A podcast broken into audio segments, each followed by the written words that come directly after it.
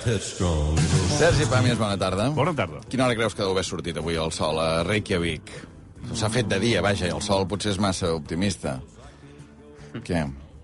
8 i 22. 8 i 22. Ui, jo crec que està... Que... No és tard, però no us penseu, eh? No, no, no. Penseu- Abans de les 9? Mm, 9 i 3 minuts. 9 i 3 minuts. 9 i 3 i minuts, tres? La sortida de sol, que vol dir que ja pot començar a clarejar una mica abans. Hem de pensar que d'aquí un mes just, o pràcticament, eh, estem ja a l'equinoxi, eh? Vull dir que ja de cop eh, passem de tenir dies molt curts a tenir dies molt llargs ja de cara I al s'ha fet solstici. fosc? I s'ha fet fosc, s'ha pos, doncs, a les 6 i 20, eh, per tant, no fa ni una hora allà, no?, perquè era sí, sí. una mica Però més... llavors això canvia amb, amb relativament poc temps, perquè jo Sí. recordo que quan vam anar a Islàndia era a és finals just de un mes gener... abans, sí, 21 de Sí, sí. gener. i va, teníem una reunió amb el primer ministre... A dos quarts d'onze A dos quarts d'onze, era negra fosc. nit. Sí, Clar, clar, i d'aquí quatre- Negra nit. d'aquí 3-4 mesos els dies seran llarguíssims ja, vull dir que... que sí. La vida, no? La vida. La vida, la vida que sobrepassa. Però m'ha agradat això, eh? De, de, podríem canviar, només de fer temperatures... Eh... Sí, però la gràcia és en ple hivern. Ara Clar, ja, no, ja, ara he ja- vist que no, ja he vist que no funcionava, això. Apa, Sergi, què? Uh, escolta'm, avui que, que, que tornes a una franca, que tenim notícia fresca. Sí, sí, a més a més, eh, eh, aquesta cosa del, de la fragmentació de la informació eh, convertida en una trituradora de carn eh, fresca del dia, perquè realment és increïble que una notícia eh, eh, es perverteixi tan de pressa quan encara no hem vist el, el resultat. Mm. Bueno, en tot cas, dilluns que ve torna a haver-hi Dilluns Zona ve Franca i el presenta Franca. la Danae Boronat. i el presentarà d'Anna Boronat i ja hi ha... Eh, perquè, clar, aquí hi ha un problema... Bueno, no és un problema, és, és un fet. Eh, la informació sobre televisió que donen els mitjans eh, fiables eh, és molt eh, limitada, deixem-ho així. Eh, per tant, les seccions de televisió dels grans diaris o del, de les grans ràdios o de les... Eh, tenen una, tenen una, no tenen fonts pròpies i, per tant, funcionen gairebé com una receptacle de notícies que es van produint i que arriben al, a les redaccions en general a través de comunicats o de webs eh, corporatives. I aleshores tot el que és el marro, l'inframont, eh, te l'has d'anar a buscar a la plaça Real i, i a polígons. I què es diu a la plaça I Reial? llavors als polígons avui? i a la plaça Real, en general, s'ha establert uns ritmes d'informació i de trituració i de digestió de les notícies i de creació de polèmiques que, in- inexistents eh, que obliguen el que és un professional a anar-hi, perquè no pots estar al marge. Eh, dius, no, no, només seguiré la informació televisiva a través del New York Times. No, no, has d'anar t'has d'embrutar, t'has de posar les catiusques i has d'anar a, a passejar per zones fosques. I llavors, clar, això de la Danae Boronat, per exemple, que seria una notícia que demà sortirà o ja ha sortit a totes les webs i a tots uh -huh. els, eh, els mitjans civilitzats, eh, o que tenen una certa deontologia o paciència, simplement no es posen histèrics, eh, ha estat ràpidament, és un motiu de polèmica, ja. Llavors, clar, havia de continuar el programa, no havia de continuar, és la persona adequada. Aquesta persona adequada no tindrà en el seu historial algun moment de debilitat o, o susceptible de ser afirmat com a fos quan ningú es preocupa ni tan sols de pro- comprovar si això és veritat o no és veritat. I, clar, en, en un moment, perquè, clar, això és, gairebé ho pots viure en directe, Si vas a la plaça Reial o als polígons, sí, clar. normalment has d'estar passejant per aquests llocs. eh, i, I llavors passa una mica com quan es van fer els Jocs Olímpics, es va posar de moda aquelles càmeres fixes que molt ràpidament veies com es construïa el Palau, eh, el, el Palau d'Esports eh. o Eh. el que fos. El Palau Sant Jordi, no? Me'n recordo que hi havia una. Llavors era una afirmació collonuda, perquè en 10 segons veies com s'havia fet el, el Sant Jordi. I amb aquest tipus de notícies passa això. Tu estàs al polígon i de cop i volta veus com s'aixeca i es desmunta una cosa, unes afirmacions i uns lios tremendos. I amb la d'Anna Boronat ha passat això. Per tant, la planyo, perquè realment arribarà dilluns exhausta, si és que s'ha pres la molèstia de mirar les reaccions, No, home, però norma número 1 d'anar, això ja ho sap, que és prou intel·ligent, que és no visitar la plaça Real ni els polígons. Sí, però mira, et diré Però una no cosa. te n'escapes, a vegades, Et diré eh? una cosa. Això és el que el que s'ha de dir. Però eh, si tu eh, eh, vius d'aquesta professió amb la intensitat que jo et dedueixo que la viu la Dana Boronat, és molt probable que hagi pres totes les mesures eh, profilàctiques per evitar això. Però hi ha un moment, hi haurà un moment d'aquí al dilluns en què si no és ella que voluntàriament va al, al polígon, el polígon anirà a ella. I el polígon la buscarà. I algun amic, o algun enemic, o algun simplement morbós, eh, trobarà adient fer-li saber el que es diu, el que no es diu, però no li dirà les coses bones, li dirà les dolentes, que, que tampoc és que siguin dolentes o bones, sinó que, que és una mania de, de, de generar una expectativa que sembla que si no ve acompanyada de polèmica, no és expectativa.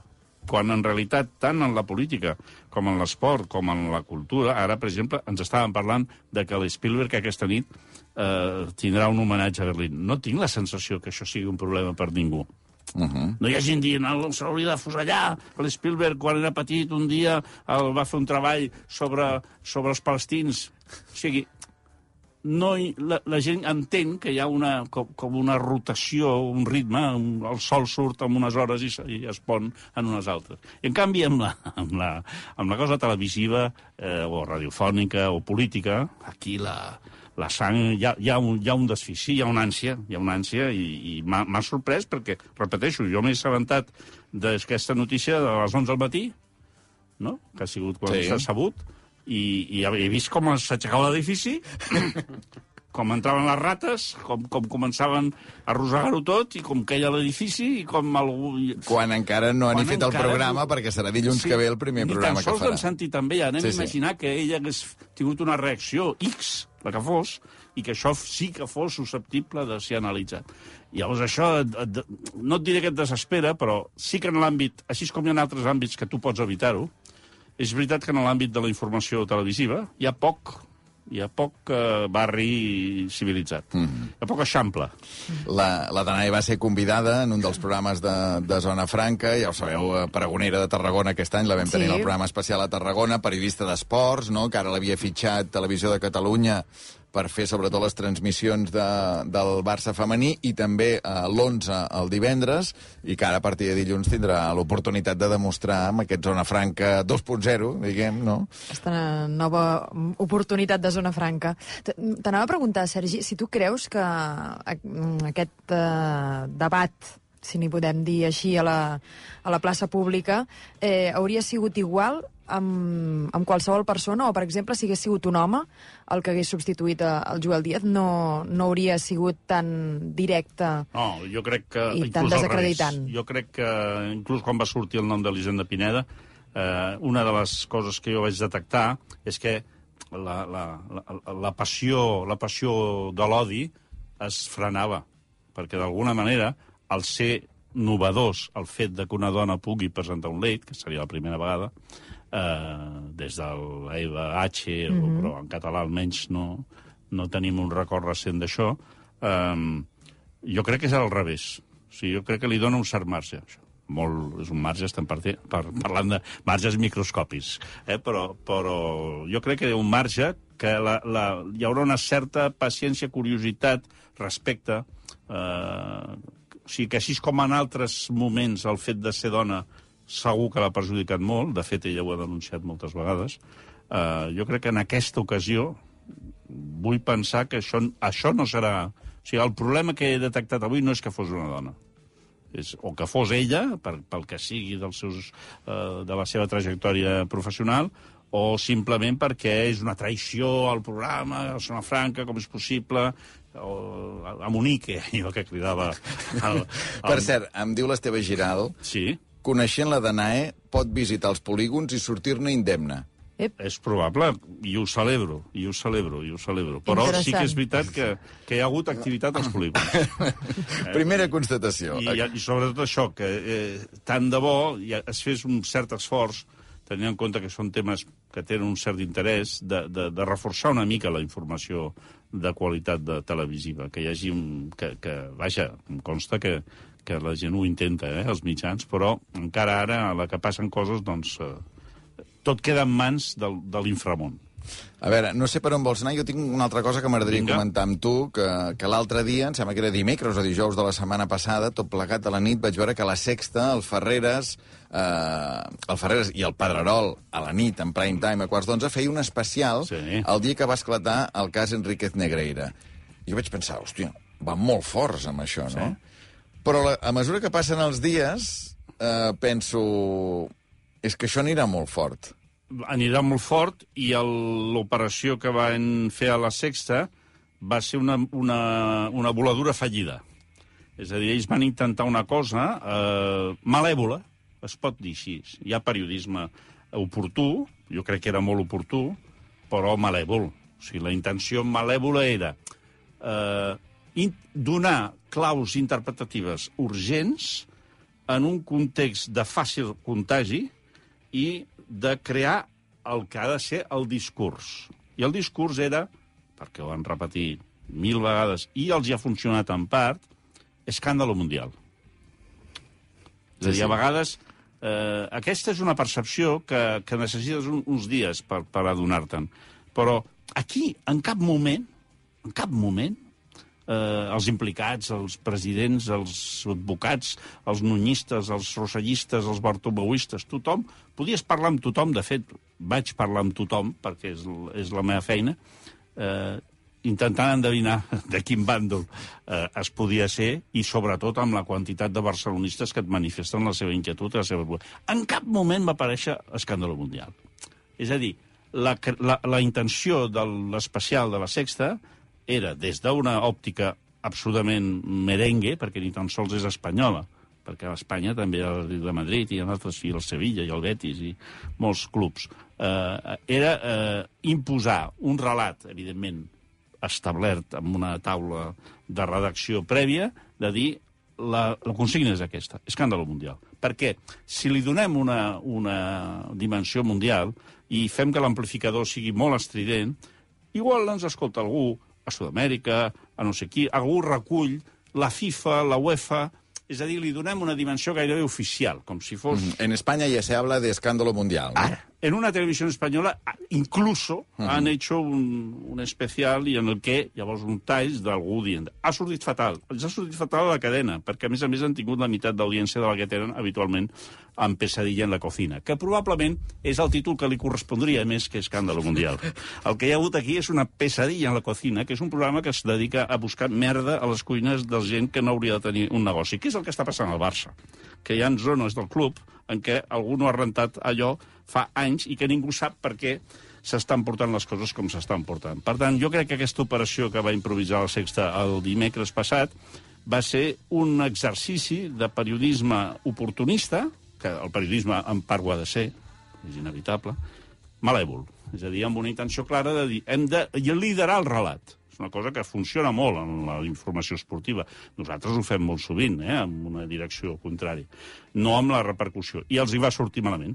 És a dir, la, les xifres, si han, no, és que han pujat el doble, o a vegades mm -hmm. eh, la presència del futbol, aquí mateix ho hem comentat, no? De, ostres, ara una altra vegada una retransmissió. Doncs sí, perquè els resultats donen i resulta que hi ha un interès. Aquí no. no, no aquest interès no, no es va detectar i jo crec que la fórmula escàndalo mundial no ha quallat del tot, però estic amb tu. Pot ser de pluja lenta. Eh, que això hagi dit, bueno, la, la tàctica de la histèria inicial no ens ha sortit bé, anem a provar el xirimiri. I aleshores anem, anem colant aquest missatge, l'anem colant, que cada vegada els interlocutors eh, en el club li pregunten, en el...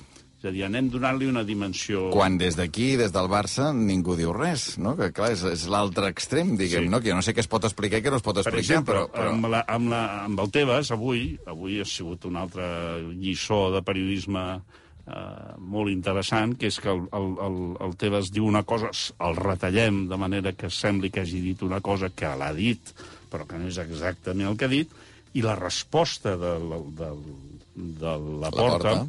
És una resposta que no diu, no, no respon al que va dir el, el, el Tebas. A la il·lusió que li fa el senyor Tebas que jo dimiteixi, és que no diu això. Diu, si s'explica, si no s'explica bé, hauria de dimitir. Això té molta fàcil solució, aquesta frase. Agafes només la primera part, dius, bueno, què ha de fer el Barça? Explicar-se bé. I s'hauria acabat el problema, però no.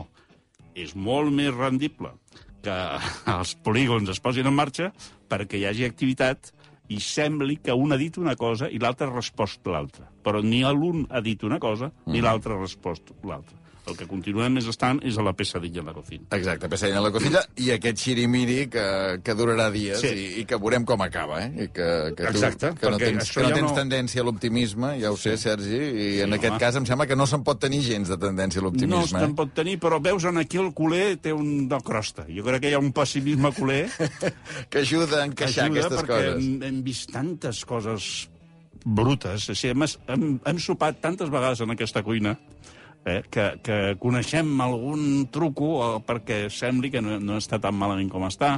Però bé, jo amb això discrepo, perquè trobo que el, el culer tenia la dignitat. Tenia allò de dir els àrbits van a, no ens van, ens van en contra, nosaltres juguem contra els elements, l'únic que tenim és la dignitat. Ho hem de fer molt bé per poder guanyar. Clar, això t'està deixant sense arguments si realment durant 20 anys tu has pagat el número 2 dels àrbitres. És igual amb, quin, amb quina finalitat. T'està prenent aquest, aquesta dignitat amb la que anem pel món, aquesta superioritat moral dels barcelonistes. Jo no estaria amb tu en la, en la... O sigui, jo crec que hi ha una combinació de les dues coses. Jo almenys, eh? Jo tinc una ànima en què la dignitat i l'alegria que em suposa ser del Barça, per moltes raons, eh, la realitat l'ha desmentit de manera permanent amb coses grotesques i sòrdides. Eh? No, no, és a dir, no, i, i gairebé diria que he convertit això en un llegat, en un patrimoni. No em crec tot això, els valors. A mi hi ha un moment en què el Barça diu som el que mengem i fa una campanya per dins el que hem de menjar que, que gairebé vaig, vaig dir s'ha acabat. No vull ser mai més del Barça. Jo vull menjar merda tota la vida i que no s'hi fiqui ningú, que, de, menys els que quan vaig al futbol, no? Però sí que és veritat que podíem conviure amb un grau de toxicitat que l'hem après doncs, a a base d'emprenyar-nos, de fer eh, mm, mocions de censura, de fer debats, de que els candidats intervinguin. Això és el que m'està sorprenent. Que hi ha una absoluta passivitat per part del barcelonisme de reaccionar, com si, tu descrivies, eh, estiguéssim ja tan exhausts, cansats, decebuts, que ja no tinguéssim ni capacitat de mobilització. A mi em sorprèn la reacció del barcelonisme, però, evidentment, la, la, els, els paràmetres, el llenguatge que es fa servir aquí, l'entenc molt més que els intenta fer, fer servir en altres bandes. Anem a la subsecció? Anem a la subsecció. Sí? E no. Sì e no.